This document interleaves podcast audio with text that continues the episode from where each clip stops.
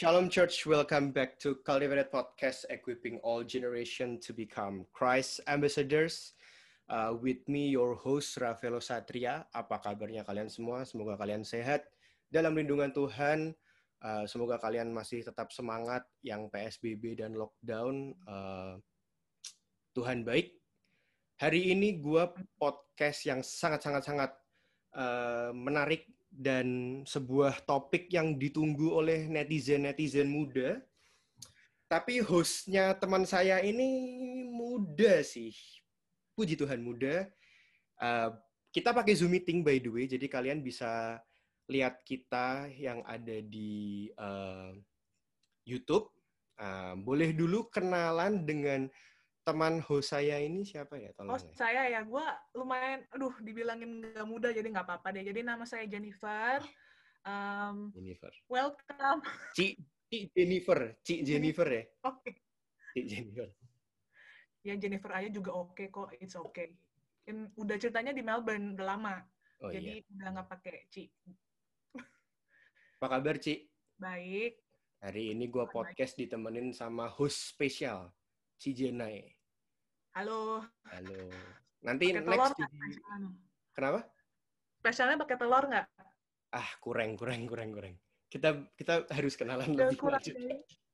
Kita harus kenalan lebih. Oke, oke, oke. Kurang, kurang, Ci. Nanti dengan ini official jadi host partner ya, Ci? Iya. Siap, mantap. Mantap, mantap. Nah, teman-teman semua, hari ini itu kita bakal podcast ngomongin tentang relationship. Nah, kan anak-anak muda kan suka tuh ya namanya pacaran-pacaran. Aduh, beda agama boleh nggak ya? Aduh, uh, dia jodoh aku dari Tuhan bukan ya? Gitu. Kalau Cijena sendiri punya pertanyaan-pertanyaan tentang relationship nggak, Ci? Wah, banyak. Pokoknya yang ya. tenang deh, pokoknya nanti banyak tanya deh intinya. Siap, Butuh siap, banyak ujangan dan nasihat-nasihat dari dari saudara-saudara mungkin dari Echa dan Jessica yang udah Amin. udah lebih duluan chapternya gitu. Jadi buat kita yang masih Amin. nanti pasangan hidup nih, buat kita jadi belajar-belajar dulu kayak gitu. Siap, seru seru seru. Hari ini uh, kita mau ngobrol-ngobrol bareng bintang tamu spesial. Siapa ini? Boleh berkenalan? Hai semuanya. Halo semuanya. Halo, halo. Halo. Thank you sudah datang dan berikan waktu buat kita. Sama-sama. Apa kabar nih? Lockdown di gimana Jakarta di gimana? Eh di Jakarta bukan ya? Bener ya? Jakarta. Kita Tangerang sebetulnya, jadi kita nggak terlalu ngerasain di Jakarta ya. Jadi kita kayaknya nggak di lockdown yeah. sih, kita nggak PSBB. Cuman ya memang kita membatasi pergi-pergi sih tetap karena ya biar kesehatan sendiri juga kan kita yang jaga kan bukan orang lain yang menjaga jadi kita jaga di rumah aja. Iya. Gitu. Benar sekali. Benar iya sekali. iya iya. Nah kalau kalau walaupun nggak PSBB tapi kayaknya kalau bareng-bareng di, di dalam rumah atau gimana kayaknya boleh dites nih kayaknya nih apa bener nih kayak masih klub gitu masih gaul nggak nih pasangannya? Oh, ayo. Ya, kita sebelum kita sebelum uh, mulai podcastnya, kita mau main sedikit game dulu ya, Cijena ya. Kita mau main. Iya boleh, makanya nih udah. Kita mau main game dulu. Aku udah siapin beberapa pertanyaan untuk mengecek. Hey, apa? By the way, ini perdana banget aku Zoom meeting tapi diminta matiin kamera teman-teman nih. Jadi aku mau nyapa dulu semoga teman-teman yang mematikan kameranya tetap stay di depan gadget kalian atau laptop kalian ya. Hmm. Asik. Amin, amin. Jangan kabur bersama uh, ya, guys. Nah, ya. Jempolnya mana, teman-teman? Jangan gojek Aduh, martabak manis ya. Boleh sih sebenarnya. Betul. Boleh. Asik, thank you guys. Aduh. Nggak sabar lihat muka-mukanya. Wah. Sebelum kita mulai, kita mau main games dulu. Kita mau mengecek keaslian hubungan dari Echa dan Jessica Sumantri. Apakah wow. mereka benar-benar pasangan yang saling cinta satu sama lain? Nah, waduh. Mari kita cek dulu. Kita mau main game yang namanya jujur jawab. Nah, jadi kita mau mengetes apakah kalian itu genuine satu sama lain antar pasangan. Uh, pertanyaan pertama aku mau kasih. Jadi ini gamenya tinggal jawab sejujur-jujurnya. Kapan terakhir Kak buat buat Jessica berarti ya? Kapan terakhir kali Kak Eca bilang I love you? Barusan sebelum mulai uh, ini. Bohong. Sebelum gimana emang bilangnya gimana?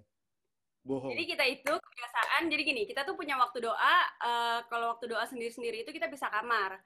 Jadi setiap kalau mau bisa kamar tuh Eca selalu ngomong love you gitu. Hmm. Jadi sebelum Zoom meeting ini kan kita doa dulu tadi. Satu jadi ya udah tadi Eza ngomong love you dan pasti dibalas dong love you jadi gitu. Jadi love you itu nggak harus yang kalau lagi mau pergi jauh atau apa. Jadi setiap hari di rumah kerja ngomong love ya love you love ya love you gitu. Tapi ya nggak jadi formalitas juga emang iya. beneran dari hati. Gitu. Jadi love you-nya barusan sebelum zoom meeting mulai. Wah mantap mantap. Terus tahu dari mana Eca ke ruangan itu untuk berdoa? Siapa tuh untuk main drum? Oh ya tidak karena tidak ada suaranya, mohon maaf. Kamarnya cuma seberangan, nggak beda rumah juga kan. Kalau main drum pasti kedengeran ah, suaranya. Gedung, iya. Kurang, kurang, kurang. Iya kan? Kurang, kurang, kurang. drum elektrik okay. aja kedengeran, Vel. Letak-letak apalagi drum beneran. Mungkin kita, kita mesti barengan sama yang main drum juga nih, mesti barengan sama Bang yeah. Daud nih kayaknya. Udah kebanyakan sama Bang Daud. suka main drum Pertanyaan kedua, pertanyaan kedua uh, buat Kak Eca ya, apa yang membuat Kak Eca nih yakin untuk mempersunting Jessica sebagai istrimu? Karena kan pasti seorang Eca Sumantri, wah ngedrummer itu kan paling dikelilingi oleh banyak wanita. Dari enggak drummer dikelilingin drumnya sendiri kalau banyak alat, mohon maaf ya, banyak tiang gitu. Pantes. Pak Rafaelo nih harus dikenalin sama drummer nih. Oh, iya, iya. iya. Kita doain ya cewek yang main drum yang suka Amin. Jangan takut sama drummer. Kita tuh matain stick bukan matain hati. Jadi drummer. Siap. Siap. Siap. Mantap nih. Jadi apa nih? Apa yang membuat Kak Oke, okay, uh, eh, aku yakin Jessica jodoh tuh. Hmm. Um, well, sebetulnya sejak awal aku tuh orangnya nggak pernah terlalu yakin karena cukup banyak trauma. Traumanya apa nanti kita bisa bahas lebih lanjut gitu. Mantap. Tapi ya akhirnya pas ketemu aku doa actually kita doa sama-sama kita uji bareng. Dan uh, ya aku merasa hubungan ini membuat aku lebih dekat sama Tuhan makin sehat secara rohani dan secara jasmani. Bonusnya orang tua kami juga support banget. Terus uh, dia ngerti kerjaan aku dia nggak pernah menghalang-halangi gitu. Tapi ya di luar itu sih lebih ke hal-hal yang rohani sih. Kita doa bareng, kita bahas firman bareng, kita ke gereja bareng, itu kan sesuatu yang apa ya buat aku spesial. Nggak semua pasangan bisa melakukan itu gitu. Jadi ya setuju, setuju, setuju. Tuhan aku semakin yakin. Mantap, mantap, mantap. Berarti sebaliknya nih, sebaliknya untuk Jessica apa yang dilihat dari seorang Sumantri Echa? Sejujurnya sebenarnya jawabannya mungkin sama sih. Karena kalau mungkin orang bilang kayak uh, Kak Jessica deketin Eca gara-gara ini kali ya drummer segala macam atau uh, dikenal orang dan segala macamnya. Jujur guys, aku kenal waktu itu sama Eca aku nggak tahu deh siapa. nanti nanti jadi, nanti nanti. Kita bahas ke situ nanti kita bahas ke situ. Iya iya. Jadi makanya sebenarnya aku nggak nggak sekenal itu gitu. Cuman pada saat aku kenal dia makin lama kok hubungan ini membawa aku dampaknya jadi lebih baik gitu. Karena aku bener-bener kan anaknya rebel abis gitu dulunya kan makin ke sini tuh makin dididik sama Eca, makin jadi dapat uh, semua hmm. yang positif gitu. Jadi kayak oh ya memang ini dari Tuhan ya, gitu. Tuhan. Orang pembimbing. Gitar. Pembimbing. Mm -mm. Ah, isi, isi. Nah, untuk pertanyaan ketiga nih uh, jawabnya bareng nih. Siapa yang deketin okay. duluan? Oh. Nah, mantap, mantap, mantap, mantap. Buat buat Kak eh ini buat Jessica berarti apa kado pertama yang Kak Eca kasih buat kamu? Kaset, CD. Kaset, orang jadul banget gue. CD. CD, CD. CD lagu. CD lagu uh, Eca main sama Mas Indro. Indro Harjudi Koro tuh. Bukan Indro Warkop ya? Iya. Oh, Teman-teman iya. musisi tahu lah. Kemarin Mas Indro ke sini. Iya, yeah, I know. Betul. Nah, itu CD mm -hmm. lagu itu pertama kali Eca kasih buat aku. Mm. Jadi kayak perkenalan portfolionya pakai CD. Hmm. Aku ngisi di album itu itu project kita bareng sama Mas Indro. Terus aku nge-tweet gitu. Terus Jess tuh iseng aja balas mau gitu. Ya udah aku kasih beneran gitu. Oh, iya, iya. Waktu itu udah suka belum pas kasih CD itu? aku sih ya suka fisik aja ya. Tertarik-tertarik gitu, tapi belum yang suka dalam banget. Karena belum terlalu kenal waktu itu, cuma ketemu Mm-mm. dua kali gitu. Itu ke pertemuan pertama bahkan. Oh iya pertama Mm, ya? pertama. Bener. Mantap. Terus Gitu, jadi- jadi aku ingat. Jadi, Jadi bisa bilang nggak kalau cinta pada pandangan pertama? I don't think so. Hmm, iya, enggak juga Enggak sih. kayaknya. Enggak. Nanti akan dibahas lebih dalam karena Boleh, waktu itu awalnya aku boleh. Ini ini itu. introduction masih ada embel-embel gitu. Mm-mm. Mantap, mantap, mantap, mantap. Eh, pertanyaan sulit untuk Echa Sumantri. Oke. Awas ya kalau nggak sulit awas ya. Ini Wah, enggak enggak bercanda. harusnya sih sulit nih, harusnya sulit. Waktu di JKT48, Jessica di Hmm? tim apa? Tim J, Wih, aduh, ayo dong, yang lebih Aduh, susah dong. aduh, tolong dong kita udah sampai Aduh. keringetan nih. Aduh, nggak ada yang susah. Jennifer Oke. tolong, tolong di. Tolong ya Indonesia ini summer. Jadi sampai udah keringetan nggak ada yang susah-susah. Approve. Approve, approve, approve.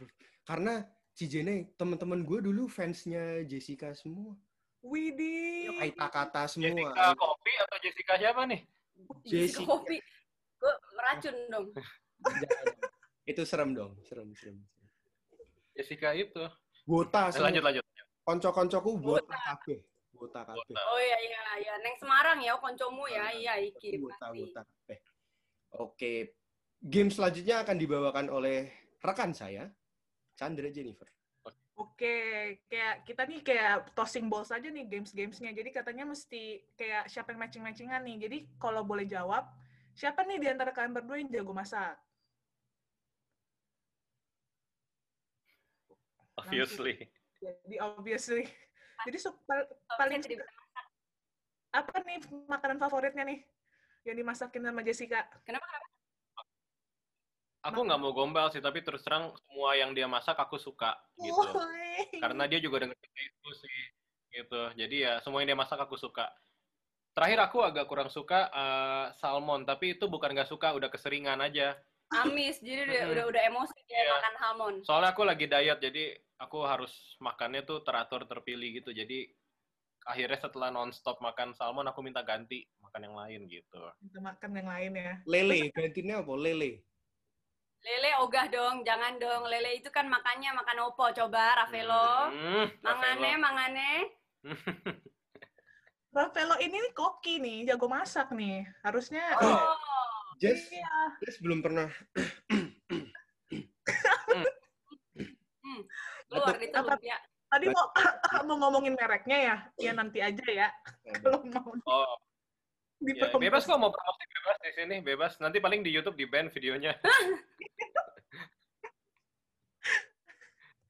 Nah kalau misalnya pernah nggak makanannya nggak disuka terus habis itu ngambek, jadi pernah nggak ngambek kalau makanannya nggak Enggak suka? sih. Aku tuh dulu pernah baca satu cerita Jan. Jadi ada aku lupa siapa, pokoknya eh, dia istrinya tuh masak terus tempenya gosong gitu. Ya. Terus istrinya cerita pas suaminya makan, suaminya bilang ini tempe paling enak yang pernah aku makan gitu. Jadi itu aku masih kecil pas baca, tapi cerita itu aku ingat sampai sekarang. Aku bahkan baru cerita sama kamu hari ini ya. Jadi dari situ tuh aku berkomitmen apa pun yang mamaku masak, apa pun yang istriku masak, aku nggak akan kritik gitu. Dan ya puji Tuhan memang enak-enak juga. Oh, Gitu. aku ingat pernah aku fail masak. Jadi aku tuh memang lebih sering bukan lebih sering. Aku tuh lebih suka masak-masakan yang asin-asin gitu loh. Kalau Hmm. dessert tuh aku kacau banget kayak bikin brownies aja tuh aku bisa 8 jam, bayangin. 8 jam itu lembek mulu nggak jadi-jadi. Bayangin nggak sampai kompor gas gua habis. Kayak jam kita Betty berdoa tuh 8 nah, jam. 8 jam. Hmm. Pokoknya bener-bener kacau banget. Kalau dessert goodbye lah gitu kan. Jadi uh, one day, Ci, aku waktu itu masak uh, apa sih Japanese pancake ya, Ya. yang yang tebel yang fluffy fluffy gitu. Souffle, Iya. souffle. Nah, iya, gue tuh udah bangun dari jam 6 pagi, bayangin ya, buat bikin sarapan breakfast gitu kan buat suami. Terus pas aku makan, kayaknya ini kebanyakan vanili atau something apalah. Pokoknya tuh jadi pahit pas dimakan. After taste-nya tuh kayak getir. Gue kayak, ih kok getir sih misalkan gue gitu kan. Cuman aku tuh keburu sediain pancake itu ke kamar gitu. Jadi aku udah taruh di kamar buat Eca, aku turun lagi. Pas aku makan, iya Tuhan gak enak banget gitu kan. Dan aku bilang, Caca, Caca dulu jangan makan, jangan makan. Nanti pingsan, ini ini pancake gak enak banget, beneran gak enak banget. Terus dia makan, enak kok. Enak, terus dalam hati kayak, Oh. suami apa, apa mengalami gejala-gejala mati rasa lidah gitu kan kok dia bilang enak gue aja udah udah stres gitu Enak kan. tapi madu tambah terus, enak. Isi lagi madunya enak. jadi kayak ada madu lagi nggak lo jujur aja cah ini tuh nggak enak gitu loh. Jadi emang biasanya cah tuh hampir nggak pernah kalau makanan aku yang fail gitu aku pernah fail cuma dua kali tempe sama si pancake itu. Dia nggak ngomong itu nggak enak. Jadi akunya yang kayak udah lu jangan makan aja lu mati ini beneran nggak enak gitu kan. Ya pada akhirnya dia ngomong pelan pelan iya sih sebenarnya pahit Tapi bukannya nggak enak, pahit aja. pahit pahit wanginya sih enak rasanya aja yang fail Yang penting bentuk bagus, jadi bisa di Insta Story Iya. kan. Yang penting bentuk. betul, iya, rasanya nggak ada yang tahu ya. Tuh, buat- Rafaelo setuju kan, yang penting bentuk. Jadi di foto bagus. Rasa itu sugesti. belakangan ya sugesti betul Lebih pahitan gak dibayar manggung kan?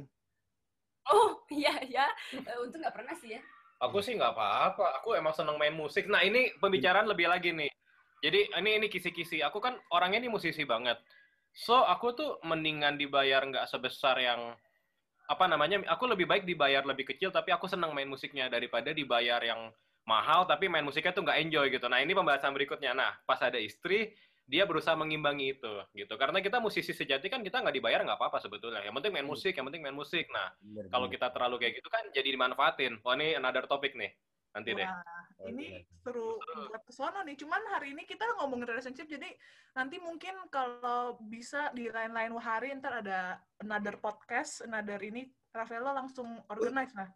Si- siap. Bukan, siap. maksudku adalah ketika aku kenal Jess, dia tuh menyadarkan aku dalam hubungan ini bahwa kamu nggak bisa kayak gitu. Nanti orang tuh Ah. manfaatin kamu. Saling ke ini uh, istri tuh lebih penolong untuk Penolong, maksudnya ekonomi bener. juga ya untuk Bener. uh, suami tuh bersikap harus kayak gimana kayak gitu sih Hmm. Hmm, meng-guide gitu lebih kayak gitu Mantap. membantu guide that's good. lanjut Lanjut, lanjut. Oke, ini pertanyaan selanjutnya nih.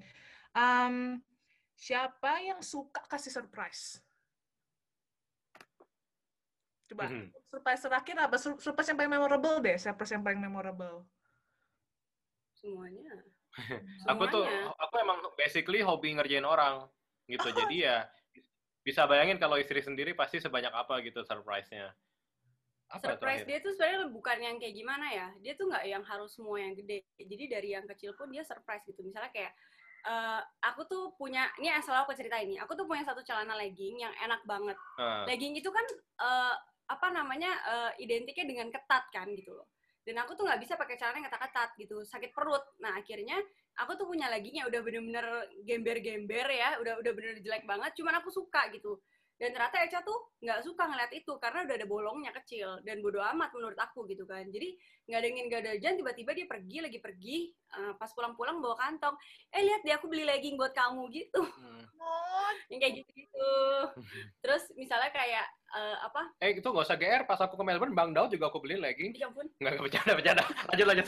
Lanjut, lanjut. panas gue panas Lanjut, lanjut, lanjut. kayak gitu-gitu terus abis itu kayak misalnya banyak macam sih kayak misalnya aku kayak lagi aku tuh istri nah ini juga kekurangan aku ya aku lagi lagi ubah. Aku tuh nggak pernah bisa minta sama Eca barang gitu karena kayak misalnya suka apa aku lebih baik diem aja udah kalau misalnya aku nanti mau beli ya beli sendiri gitu. Dan ini eh, Eca juga selalu encourage aku nggak boleh kayak gitu karena ini sama dengan menghargai suami. Jadi kamu kalau mau minta ngomong gitu kan tapi aku nggak pernah mau. Jadi aku kadang cuma kayak scroll up scroll down HP gitu kan. Terus kadang dia kayak ngintip tahu-tahu pas kapan yang tasnya yang ini bukan sih walaupun sebenarnya nggak sama sih ternyata salah gitu ternyata salah tapi ya ini bukan sih aku yang kayak "Itu tas apa ya gue kayak nggak pernah suka yang itu deh tapi ya akhirnya pas tahu niat dia kayak oh iya iya iya iya benar benar benar bagus bagus gitu lebih kayak gitu gitu Kalau nggak bagus jual di eBay aja. Kayaknya sembarangan banget loh Tokped, Tokped. Eh boleh nyebut. kalau dengerin cerita kalian nih yang awal-awal nih kayak mantep banget nih gue jadi ngiri nih sama eh, Mau tak beliin legging nggak, Cici? nih? Tak beliin kenapa? legging. Tak beliin legging mau nggak? Tak beliin legging. Legging. Ya boleh deh. tapi buat buat ini buat sepedahan kan di Melbourne sekali lagi pada sepedahan semua kan Ya lagi musim Mantap, sepedaan mantap. ya boleh legging lah. tuh yang kayak kerajaan itu tuh bagus tuh. Yang apa yang apa? Kalau mau beli legging di H&M Melbourne tuh yang kayak kerajaan gitu tuh bagus tuh. Udah sama aja barangnya sama di sini. lanjut lanjut. Langsung Thank you ya udah bisa sharing sedikit nih dari relationship. Mungkin kita abis ini lanjut ke section selanjutnya nih Raf kayaknya. Mantap, mantap. Ini tadi kan uh, Kak Eca sempat mention Bang Daud, Bang Daud, no. Bang Daud Kisopo. Uh. Jadi mungkin buat teman-teman yang dengerinnya lewat podcast, uh, kita ini lagi live webinar pakai Zoom.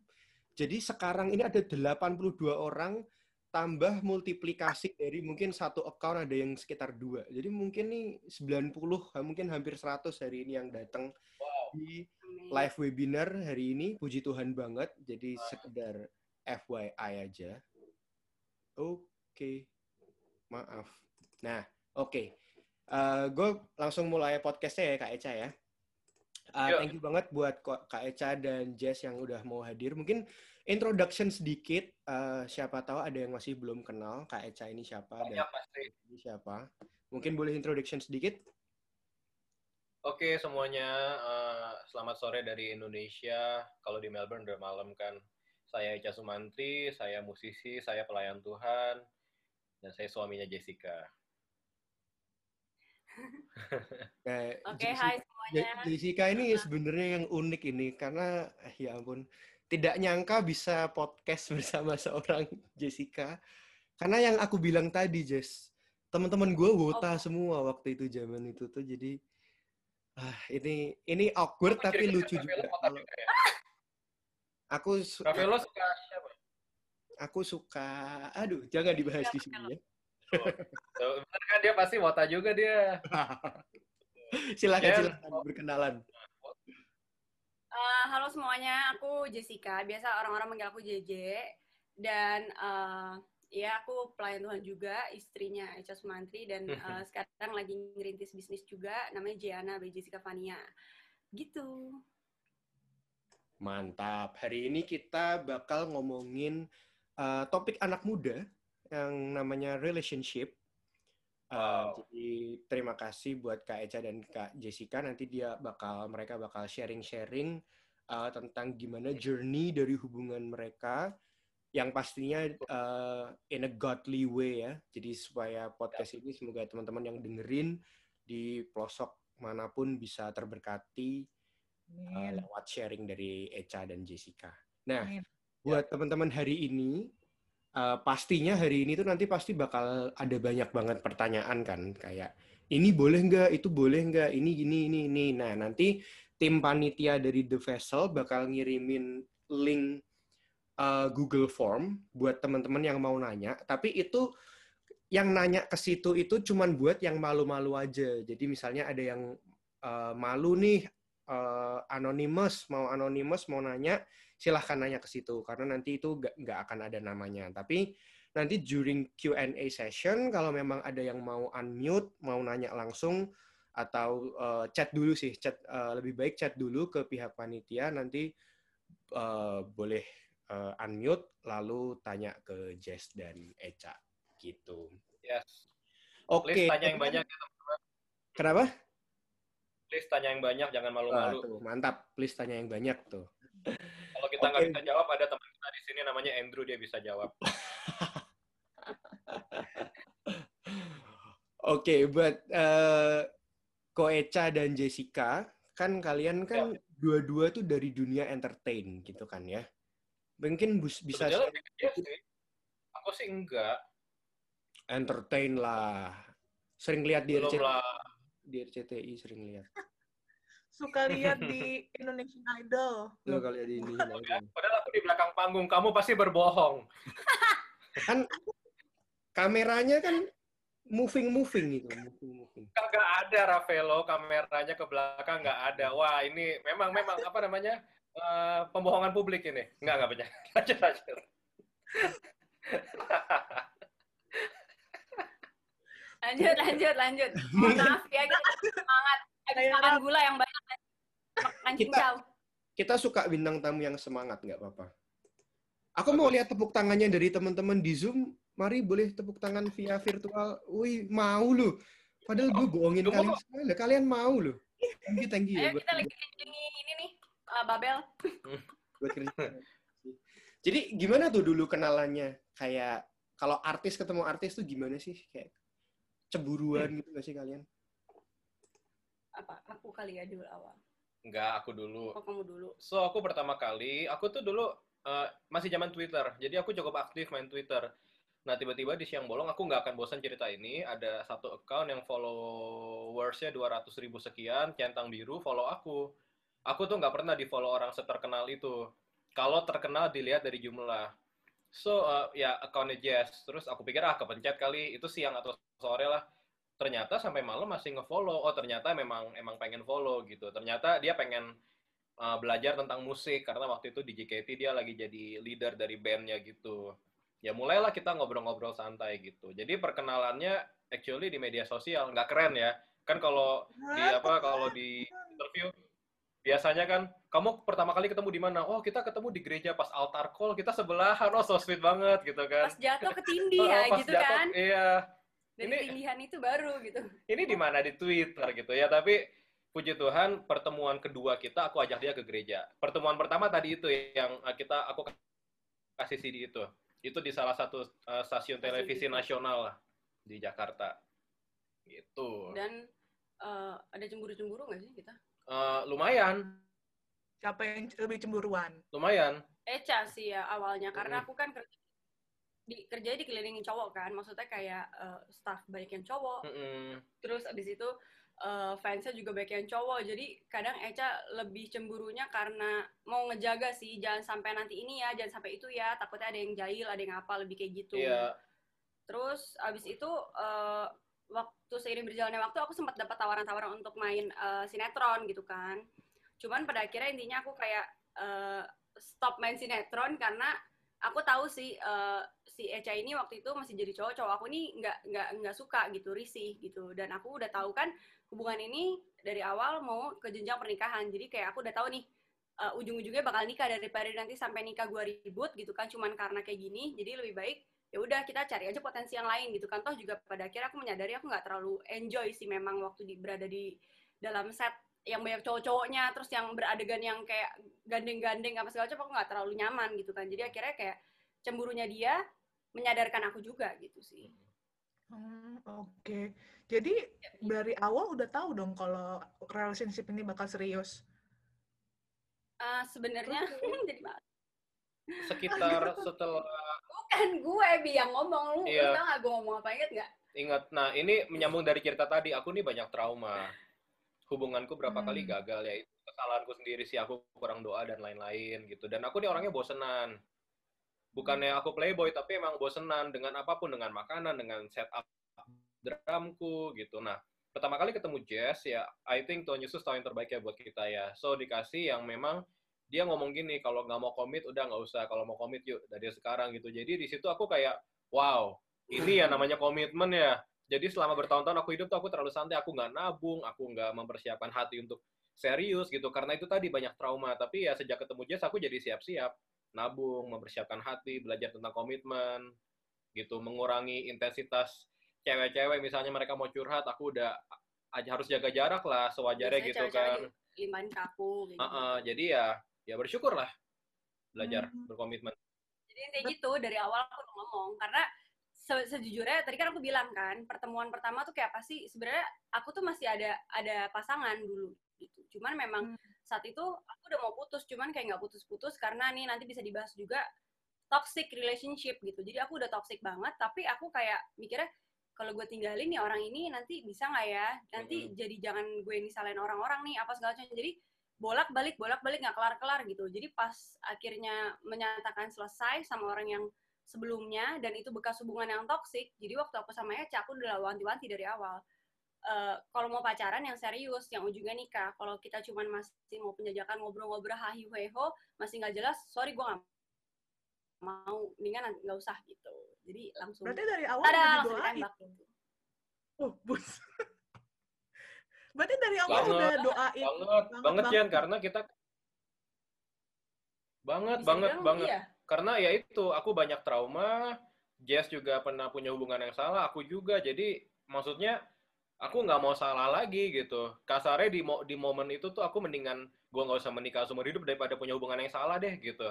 Udah di titik itu gitu. Jadi ya kita doain terus, doain terus dan puji Tuhan seiring berjalan waktu kita juga ketemu banyak hamba Tuhan. Iya benar.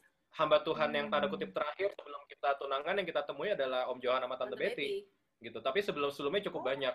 So mereka berdoa, mereka mereka dari awal ketemu tuh kayak wah kalian ini cocok banget gitu. Maksudnya itu kan Buatin pendapat ya gitu ya. ya itu kan sebetulnya pendapat manusia. Tapi setelah kita uji itu nggak sekedar pendapat gitu, itu suara Tuhan ke hamba-hamba Tuhan ini gitu. Jadi ya kita senang sih dapat support, dapat doa gitu. Mungkin kalian bingung kalian Kalau- doanya gimana gitu ya. Nah, Doanya itu tuh- pertanyaan aku. Kalian tuh doain apa? Yang harus doain tuh apa gitu loh, exactly-nya. Tuh Dari pihak Eca dan Jessica eh, juga. gitu. maaf, maaf, maaf, maaf, aku kira udah selesai. Nggak apa. Putus-putus soalnya, sorry sorry Jen. Jadi aku tuh pokoknya waktu pergi itu kalau kita lagi pergi pulangnya itu setiap pulang pasti kita diem di mobil tuh doa dulu doain masing-masing. Gitu doain hubungan ini juga eh, Tuhan kita mau ujungnya ke nikah Eh, maksudnya Tuhan juga kasih tanda. Satu pasti yang yang pasti lebih dekat eh, masing-masing. Jadi lebih apet gitu kan. Yang kedua keluarga eh, setuju. Terus udah gitu yang pasti hubungan ini bahwa kita menjadi lebih baik lagi gitu. Karena aku tuh eh, eh, ngomongnya tuh as- aslinya tuh kasar kayak A N J I R itu masih ngomong apa segala macam kayak gitu-gitu. Nah waktu kenal sama Echa nih dididik banget gitu. Awal-awal aku sampai mikir ini orang dari planet mana ya? Kok aneh banget gitu. Gue nggak boleh ngomong apa, nggak boleh ngomong bego, nggak boleh ngomong eh, apa namanya? Tahu nggak sih orang Melbourne Eh, itu loh apa? apa? Batman bahasa Indonesia kampret tau nggak? Tahu kan? Nah gue tuh Iya. kalau ya kampret gitu ya biar nggak kasar itu maksudnya Batman. Mm-mm. gue tuh kalau kalau kesel tuh kadang suka keceplosan ngomong gitu. Eca tuh suka yang kayak hus perempuan kok ngomongnya gitu? Gue kayak emang kenapa sih? Emang ada yang salah gitu? Kok kok ngomong pakai di gender genderin ya pasti gitu kan.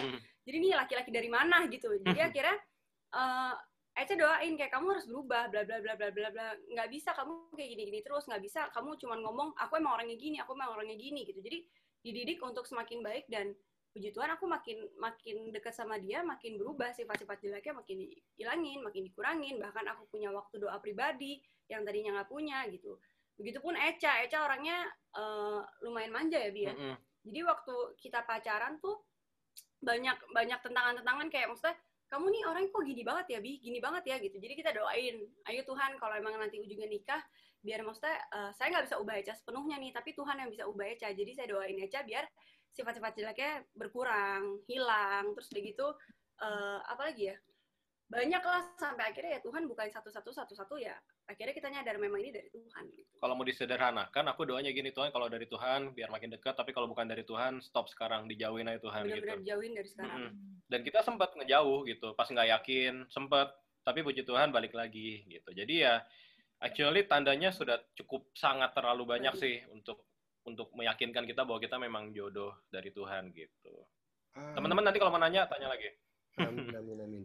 Dari dari cerita Kak Eca dan Jess tuh berarti yang gua tangkap adalah pentingnya involve God in your relationship, right? Haruslah, betul Jadi harus. karena karena banyak kan tuh yang, wih bro, cobain lah, eh, deketin aja dulu, pacarin aja dulu, nggak jadi ntar juga tinggal nggak nggak jadi. Lu tuh ini men, lu tuh harus lu tuh harus cobain dulu, kalau nggak lu nggak punya pengalaman. Nah, ada yang ngomong-ngomong kayak gitu kan. Walaupun tadi Kak Eca dan Jess pun memang em, admit kalian juga eh, ini bukan pasangan yang pertama gitu ya maksudnya ya. Jadi kan kalian juga punya dalam tanda kutip kalian punya mantan-mantan gitu ya. Eh, Tapi gimana tuh? Kan banyak tuh yang kayak ya udahlah cobain aja dulu. Eh, kan lu kan nggak kalau nggak cobain lu nggak tahu. kamu apa Ya kalau buat aku sih berpasangan itu bukan coba-coba ya. Emangnya makanan gitu, emangnya sepatu. Jadi eh, gini, anak anak Tuhan tuh nggak pernah melangkah dalam kebimbangan, dalam keraguan. Roh Kudus selalu sudah punya jawabannya. Masalahnya cuma Roh Kudus mau kasih tahu kita atau enggak gitu kan di saat itu. Roh Kudus mau kasih taunya sekarang atau nanti. Nah, bagian kita kan cuma taat dan peka aja. Peka itu kan lahir dari pengenalan, dari hubungan yang intim sama Tuhan. So ya buat aku, kita harus doakan dulu.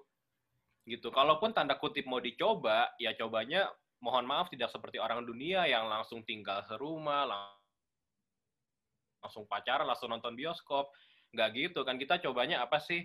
Jalan dulu berdua makan beberapa jam atau ngobrol dulu di WhatsApp. You know, bagi-bagi referensi musik. Coba-cobanya tuh hal-hal yang sederhana, yang simple gitu. Bahas firman. Kalau dari situ mulai ada kecocokan, kalau dalam bahasa rohaniku tuh mulai ada lampu hijau dari roh kudus, ya baru kita jalan. gitu. Jadi ya, cobanya juga coba yang wajar gitu, jangan coba yang langsung ibaratnya kalau dikasih makanan tuh Ravelo ngasih kita makanan, kita coba satu sendok aja, nggak langsung dihabisin semua gitu kan. Kita uji dulu, kita doakan dulu. Iya, iya, iya. Berarti Jadi tolong kirim ke sini makanannya. Oh, nah siap, siap, siap. siap. Ya. Berarti penting banget untuk kitanya sendiri tuh siap tadi ya. Siap, maksudnya siap untuk memulai hubungan. Kalau kan? menurutku sih ya kan apalagi apalagi ini dari sudut pandang cewek nih coba nanti Cijenai correct me if I'm wrong misalnya ya cewek lagi fragile fragilenya wah itu kan dimangsa oleh para aligator aligator kan gitu kan jadi kayak lo bener kan bener. Cewek kalau lagi fragile kan langsung kamu kan gitu ada ada istilah gini kalau suara kambing tuh mbek tapi kalau suara buaya tuh ayo Jumat ikut komsel yuk. Nah kan gitu kan biasanya biasanya. Oh, gitu. bukan di BIC Melbourne. Bukan ya? Bukan di BIC Melbourne. Tapi wanita wanita fragile kan biasanya tuh lebih gampang eh, apa ya maksudnya orang tuh cowok tuh sering deketin waktu kayak gitu. Jadi penting juga untuk si cowok dan si cewek ini tuh hubungannya bener dulu sama Tuhan bener nggak kayak gitu? Aku setuju sih.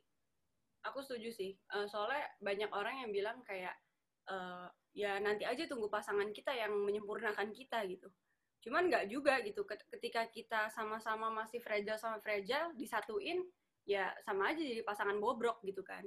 Jadi waktu aku deket sama Eca pun sebenarnya sejujurnya aku sudah menyiapkan. Makanya satu tadi aku pengen Eca tuh jadi eh, suami nanti ujungnya gitu kan. Dan eh, aku berkomit even apa namanya dia nanti benar-benar udah tahu nih jawaban dari Tuhan buat aku gitu ya aku nggak akan menyentuh area-area terlarang gitu kan kayak eh, apa pacaran tidak kudus segala macam nah Iya. itu kan salah satu kesiapan juga gitu kan punya komitmen gitu terus habis itu eh mau nambahin nggak Ya, tadi kalau bicara kesiapan, sepengalamanku kesiapan itu kita nggak pernah benar-benar siap. Kesiapan itu terus diproses sama Roh Kudus. Dari hari ke hari makin siap, makin siap, makin siap. Dan bicara tentang hubungan sama Tuhan, ya of course. Prinsipku gini, kita nggak akan bisa mengasihi manusia ya sesama kita siapa pun dengan baik, dengan benar kalau kita belum belajar dicintai dan mengasihi Tuhan Yesus. Dicintai dan mencintai Tuhan Yesus. Jadi kita harus cinta dulu sama Tuhan Yesus. Kita harus ngerti dulu konsep cintanya Tuhan Yesus sama kita. Baru kita bisa belajar mengasihi anak orang gitu loh. Betul. Jangan kebalik. Kalau kita belajar mengasihi Tuhan dari mengasihi pasangan kita, udah salah konsep banget tuh. Gitu. Jadi ya deketin diri dulu lah sama Tuhan. Para single di sini nih jangan sedih. Mendekat dulu sama Tuhan. Maka semuanya akan ditambahkan kepadamu, termasuk pasangan. Ada amin? Amin. Jempolnya langsung muncul semua. virtual amin ayo teman-teman kita support Kak jempol. Eca. Wow, wow, wow, wow, wow, wow, banyak sekali, banyak yang sekali. jomblo katakan amin Dia katakan jempol. Oke. Jomblo Nah, katakan komsel yuk. Kalau gitu pengen tanya sih, kan kebetulan kan maaf nih, Jasnya lagi cabut nggak apa-apa tanya atau apa-apa. oh iya ada kok ada aku Dia ada lagi butuh mempersiapkan diri. aku tanya nih. Ah, Jadi ini- kalau misalnya Iya. kebetulan kan kalian kan tan- kan minta tanda dan tanda dari Tuhan kayaknya seperti dikasih dan katanya terlalu banyak tanda untuk untuk untuk mengatakan iya dengan hubungan ini kan. Nah kalau Ya. misalnya eh, gimana kan it's not so easy gitu kalau misalnya ada tandanya nggak oke, tandanya nggak datang, tahunya gimana. Ya. Terus Yap. terus kalau misalnya udah dikasih tahu enggak terus kita is ya nggak easy untuk say no gitu. Jadi Ya. kalian bisa nggak kayak kasih masukan gitu? Pengalaman ya, kayaknya dari hati banget barusan nyampeinnya. Wah kayaknya ada ilham Roh Kudus kayaknya nih, kayak langsung Oh, di- gitu. dikasih aja. jangan jangan bawa-bawa roh kudus ya Jennifer Chandra Ah. Ya, gini Jen dan Velo dan teman-teman, buat aku tuh sebetulnya kita tuh tahu kok ini jodoh dari Tuhan atau bukan. Kita tahu, cuman terkadang kita mengeraskan hati aja. dan belaga budak Iya, aduh Tuhan, udah sayang, aduh Tuhan udah banyak pengalamannya, aduh Tuhan udah banyak duit yang keluar. Kita sebetulnya udah tahu ini bukan dari Tuhan, kalau kita mau jujur. Tapi Hmm. sering kali kita berusaha membohongi diri sendiri dan membohongi Tuhan aja gitu. Dan ya ujung-ujungnya putus juga gitu. Tapi ya buang-buang waktu kan.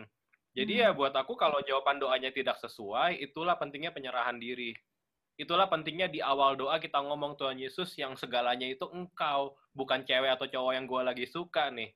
Yesus segalanya. Jadi kalau aku harus tinggalin dia nggak apa-apa karena prioritasku tetap Tuhan Yesus. Tapi Hmm. sebaliknya kalau kita berdoanya minta restu Tuhan, nggak mau tahu apa yang terjadi, pokoknya saya mau jadian sama dia ya. Ya Tuhan Yesus nggak bisa maksa kita. Kita kan punya free will. Iya, bukan Tuhan Yesus nggak bisa, Tuhan Yesus nggak mau memaksa kita gitu. Jadi sering kali ya terpaksa diizinkan kalau kita bilang karena kekerasan hati kita kan, gitu. Hmm. Tapi ya jangan jangan keras hati teman-teman, belajar berserah gitu karena Roh Kudus selalu tahu yang terbaik. Iya. Good, Wow, wow, good to wow. know. Good to know. Amazing, amazing. Tadi Kak Eca cerita apa dating kedua ngajakin ke gereja. Iya, Vel. Jadi itu tuh lagi hari eh, 10 hari pencurahan Roh Kudus. So aku pelayanan setiap hari di gerejaku gitu. Jadi aku ajak dia ke gereja, yuk gereja yuk gitu. Jadi awal PDKT gue udah disiram api roh kudus langsung. Mm-mm. Wih, mantep banget. Jadi, Kok- jadi Soalnya 10 hari pencurahan roh kudus. Jadi dari mimbar tuh aku eh, waktu itu kita masih BB-an kayaknya. Eh, enggak lainan. Enggak, enggak. WA, WhatsApp, WA, WA. udah WA ya. Aku WA-an dari drumku. Kamu maju nggak tuh altar call? Oh enggak, ah, nggak mau gitu. Besoknya maju nggak gitu. Akhirnya berapa hari ke berapa gitu dia maju. Gitu. Terus aku videoin dari drumnya maju gitu. Kamu tadi Eh, cute tadi banget deh waktu cepat. maju gitu berarti. Tadi pas kamu jatuh cantik banget jatuhnya gitu. Bodoh amat nggak gitu lu. Enggak, enggak, enggak. Lanjut lanjut. Kalau beneran kayak gitu, tanya pertanyaan selanjutnya gimana cara jatuh cantik nah gitu. Oh, Nggak bisa, Jen. Nggak Eh, bisa, apa ya. namanya? Karena zaman Tuhan kan suka-suka Roh Kudus ya mau pas jatuh eh, kepalanya duluan. Iya kepalanya duluan gitu. Yang pasti kan Alkitab janjinya kalau jatuh nggak tergeletak gitu. Oh, Tapi iya, pasti jatuh. Ya. ya, karena tangan Tuhan yang menopang ya gitu ya. Nggak tergeletak aja cuma kalau jatuh ya jatuh. Itu aku aku punya next question nih. Eh tadi Kak Eca baru deketin pertama udah ajakin ke gereja. Gua balik. Kayaknya banyak deh orang-orang yang sebenarnya tuh Ah, bergereja, sebenarnya bergereja, komsel gitu ya. Tapi malu Ya. waktu waktu nongkrong mengakui dia Kristen tuh malu. Lah ini kok kok bisa langsung jebret? Kamu mau nggak bergereja sama diriku ini? Ya. Itu apa? Ya. Maksudnya kok, kok kok bisa berani sih? Kok nggak dicap sok suci sama Jess misalnya? Ya, ini sebetulnya balik ke prinsip hidupku sih. Prinsip awalku adalah gini, kalau kita cinta, kita pasti bercerita. Jadi jangankan ke Jess yang aku lagi suka, sama followersku yang aku nggak kenal aja di Instagram, aku selalu cerita tentang Tuhan Yesus gitu. Dan itu kan bukan pencitraan, itu karena kita cinta, kita suka cerita, dan bukan cuman suka, tapi nggak ketahan gitu. Ibaratnya Jennifer atau Ravello gitu, lagi Kasmaran. Mm-mm. Tanpa disadari kalian pasti akan cerita ke orang-orang terdekat gitu. Nih cowok baik banget, nih cewek tuh baik banget. Eh kok bisa cerita ya nggak nyadar gitu. Nah hubungan kita sama Yesus kan gitu. Makin deket, makin cinta pasti suka cerita. Hmm. Itu pertama. Kedua ya tentunya ya karena Jess juga kita udah lama follow-followan di Twitter kan dan dia tahu tweet aku seperti apa gitu. Aku nge-tweet Alkitab, aku pelayanan gitu. Jadi ya hopefully kamu nggak nggak nggak nganggap aku sorohani pas ngajak ke gereja enggak sih ya? Enggak sih. Karena waktu itu aku emang tahu aku butuh Iya. Gitu karena aku terlalu rebel. Jadi aku mau gitu Hmm. makanya. Dan yang ketiga ya karena kita sama-sama seiman di dalam Tuhan. Gitu. Makanya nih, tadi kalau dari ceritanya Ravello, malu-malu itu bisa jadi pasangan yang dideketin itu belum seiman tuh. Gitu. Aku, eh ke gereja yuk hari Minggu. Oh sorry aku udah ke gereja hari Jumat. Eh beda hari gitu. Jadi ya, you know. Waduh. Nah, Eh sorry, aku penyembah kaleng kerupuk. Nah, kalau kayak gitu nggak bisa. Kan iya. Betul. Penyebab Gitu. kecap asin. gitu. Ini ini pasti ada yang nanya nih nanti, boleh pacaran nggak seiman nggak? Tanya teman-teman ya. Kita dengan senang hati akan menjawab dan mendamprat. Oh enggak, enggak, bercanda. Oh, Lanjut, lanjut. butuh butuh aku setuju aku setuju butuh butuh sih butuh karena ya kan menikah kan cuman sekali doang kan kayak it's it's Yoi. decision gitu loh kayak aku juga setuju harus didamprat kalau misalnya tidak seiman Oke. Harus sama seiman tapi nggak boleh yang sama jenis kelaminnya berarti ya Kak Eca ya. Oh iya, enggak, j- jangan kebalik jangan. tuh. Iya. Tidak ada di Alkitab Jono sama Jono, nggak ada. Kita seiman kok, gerejanya sama. Kita bahasa roh juga, tapi satu jenis kelamin gitu. lanjut, lanjut guys. Waduh dulu. Oke oke oke. Ceritain dong kalau dalam hubungan kalian nih ada hambatan-hambatan nggak nih di dalam sampai akhirnya masuk ke pelaminan nih. Jadi kayak kalau bisa diceritain ada hambatan apa dan gimana cara menghadapi hambatan itu. Oke, aku akan cerita hambatan dari segi papaku, kamu akan cerita dari segi keuangan. Setuju? Oh ini berarti ke pelaminan ya? Yo, Oke, ya udah itu aja. Jadi uh, tahun 2018 papaku dipanggil Tuhan. Bang Daud tahu banget nih. So um, itu itu pukulan yang luar biasa beras besar keras buat aku karena aku anak tunggal aku deket banget sama papa mama. Dan salah satu alasannya adalah karena aku belum menikah gitu. Aku belum sempat kasih papa cucu. Sedangkan cita-citaku dari kecil adalah papa lah papa hadir di pernikahanku. Sampai detik ini terus terang aku sedih banget mau nangis. Tapi ya singkat cerita kita harus berdamai dengan kenyataan karena Kudus tahu yang terbaik gitu. Dan ya aku percaya pada saat kita nikah papa juga menyaksikan dari atas kalau Tuhan Yesus kasih akses gitu knows ya. Jadi ya buat aku itu berat sekali di masa-masa itu karena kehilangan orang yang sangat aku cintai. Ya memang ada mama tapi kan buat aku nggak lengkap ya pengennya ada dua-duanya gitu. Jadi ya uh, terus terang um, permasalahan dalam hubungan nggak terlalu banyak. Karena itu teman-teman di awal kita sudah berkomitmen dan berdoa gitu. Bahkan dulu awalnya kita sering berantem lama-lama Roh Kudus ngomong gitu ke kita. Aku sampaikan ke Jess, aku inget banget. Eh, kita berantem ini nggak smart ya. Masalahnya diulang terus. Ini ini aja gitu. Kalau mau berantem tuh harus pinter gitu, membawa kemajuan, membawa perbaikan gitu. Dan aku yakin itu Roh Kudus yang ngomong. Jadi mulai detik itu, mulai hari itu kita belajar untuk kalau nggak penting-penting banget jangan berantem gitu. Kalau mau berantem membawa kemajuan, membawa perbaikan. Jadi secara hubungan sih buat aku pribadi nggak terlalu banyak masalah. Tapi itu ketika papa dipanggil Tuhan, aku sedih banget dan aku ngerasa belum tentu siap menikah gitu. So Oktober 2018 papa dipanggil, April 2019 kami menikah. Nah, da beberapa bulan itu tuh ada masalah lain gitu. Silakan diceritakan.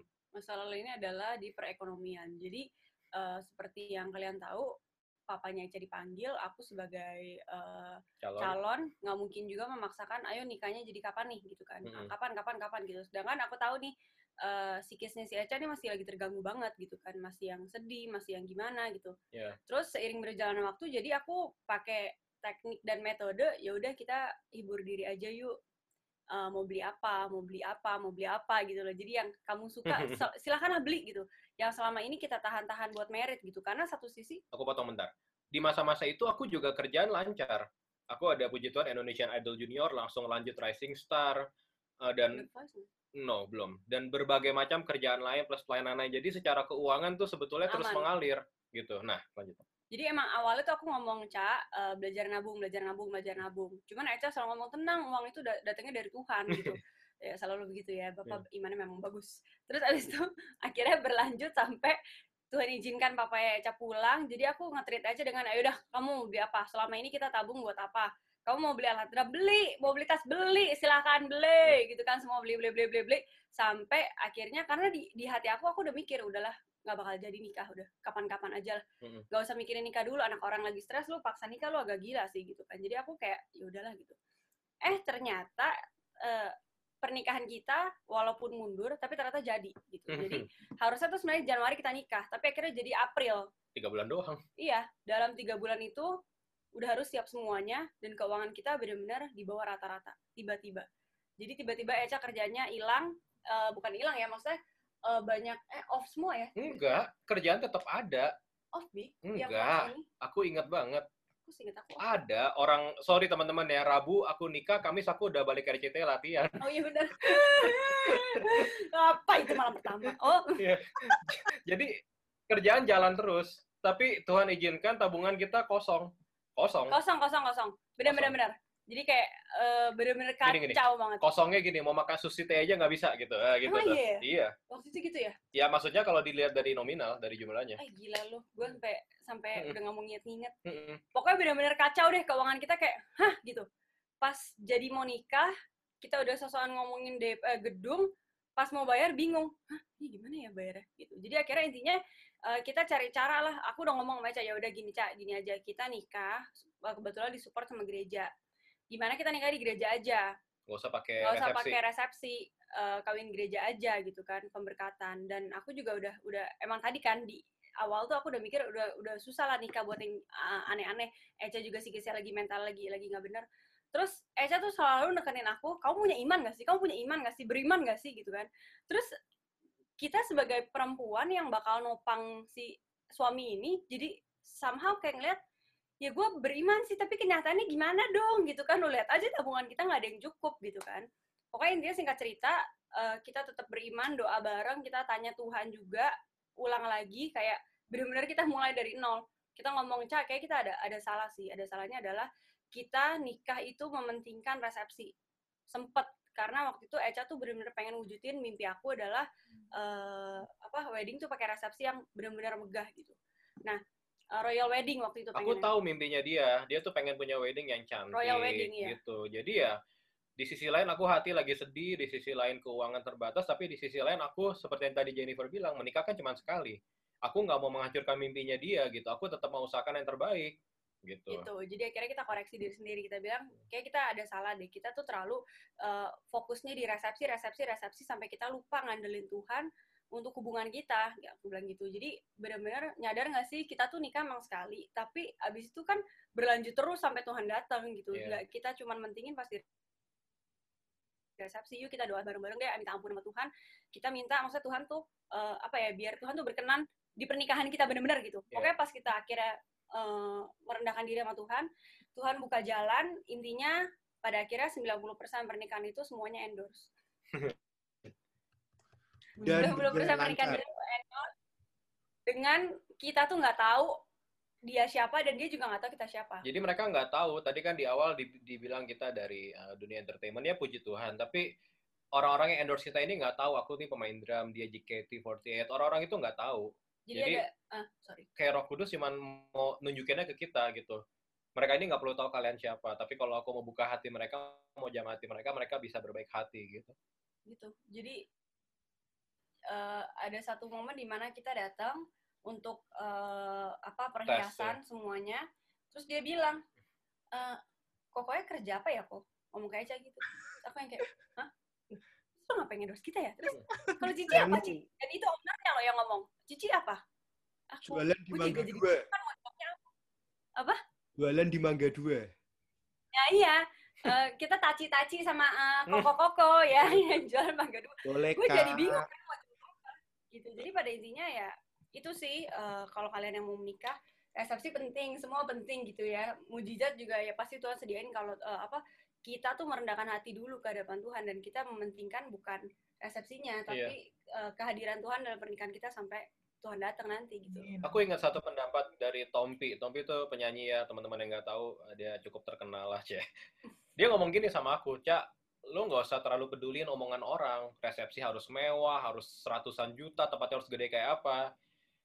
Pertama, kalian berdua nggak nikmatin, dia bilang. Kalian berdua salaman, dia bilang. Orang yang nikmatin, kan. Gitu. Kedua, itu cuma satu malam jadi mendingan kalau mau pikirin tuh pikirin setelah itu honeymoon ke mana, membangun rumah yang baik dan buat aku itu nasihat yang sangat make sense gitu dan itu alkitabiah buat aku sih gitu. Pikirkanlah perkara-perkara yang di atas kalau kata Alkitab kan. Jadi kita harus pikirin perkara ilahi dulu, perkenanan Tuhan atas hubungan ini gimana gitu. Jadi teman-teman, aku ngerti sih sebagian di sini mungkin orang tuanya sedikit menuntut ya kalau menikah harus makan meja dan lain-lain gitu. Tapi coba deh didoakan. Coba hmm. dibicarakan karena nggak harus seperti itu itu terus terang duniawi sih teman-teman itu cuma hmm. prestis saya kebanggaan duniawi aja cuman kebanggaan semalam dan cuman buat foto-foto di Instagram aja gitu tapi ada hal yang lebih esensi dari itu gitu. ya hmm. anyway puji Tuhan nikahan kita resepsinya ya cukup ya, bagus mewah tapi cukup mewah ah, itu kan diizinkan Tuhan juga iya. kan setelah kita doa mm -mm. dan bertanya Tuhan gitu dan setelah itu tidak menjadi prioritas buat kita gitu jadi kasarnya Tuhan kalau hari itu cuma mau pemberkatan nggak apa-apa ya, gitu. Kita udah lepasin itu. Dan ternyata Tuhan Yesus mengizinkan kita resepsi dan ya buat aku sih itu mewah ya.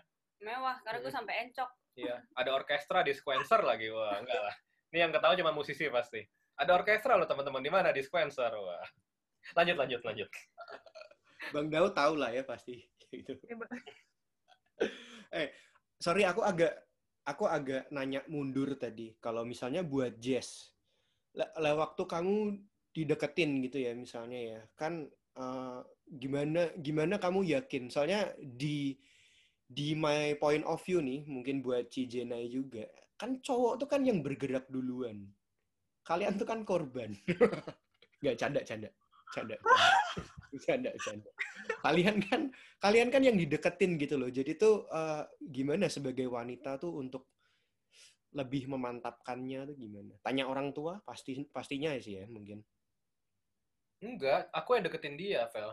Oh iya, maksudnya tapi kan Jess Jess kan yang meresponi pasti. Eh, maksudnya aku yang mukul gong gitu kayak kita harus serius Iya gitu ujungnya atau gitu. Bukannya biasanya seperti itu ya?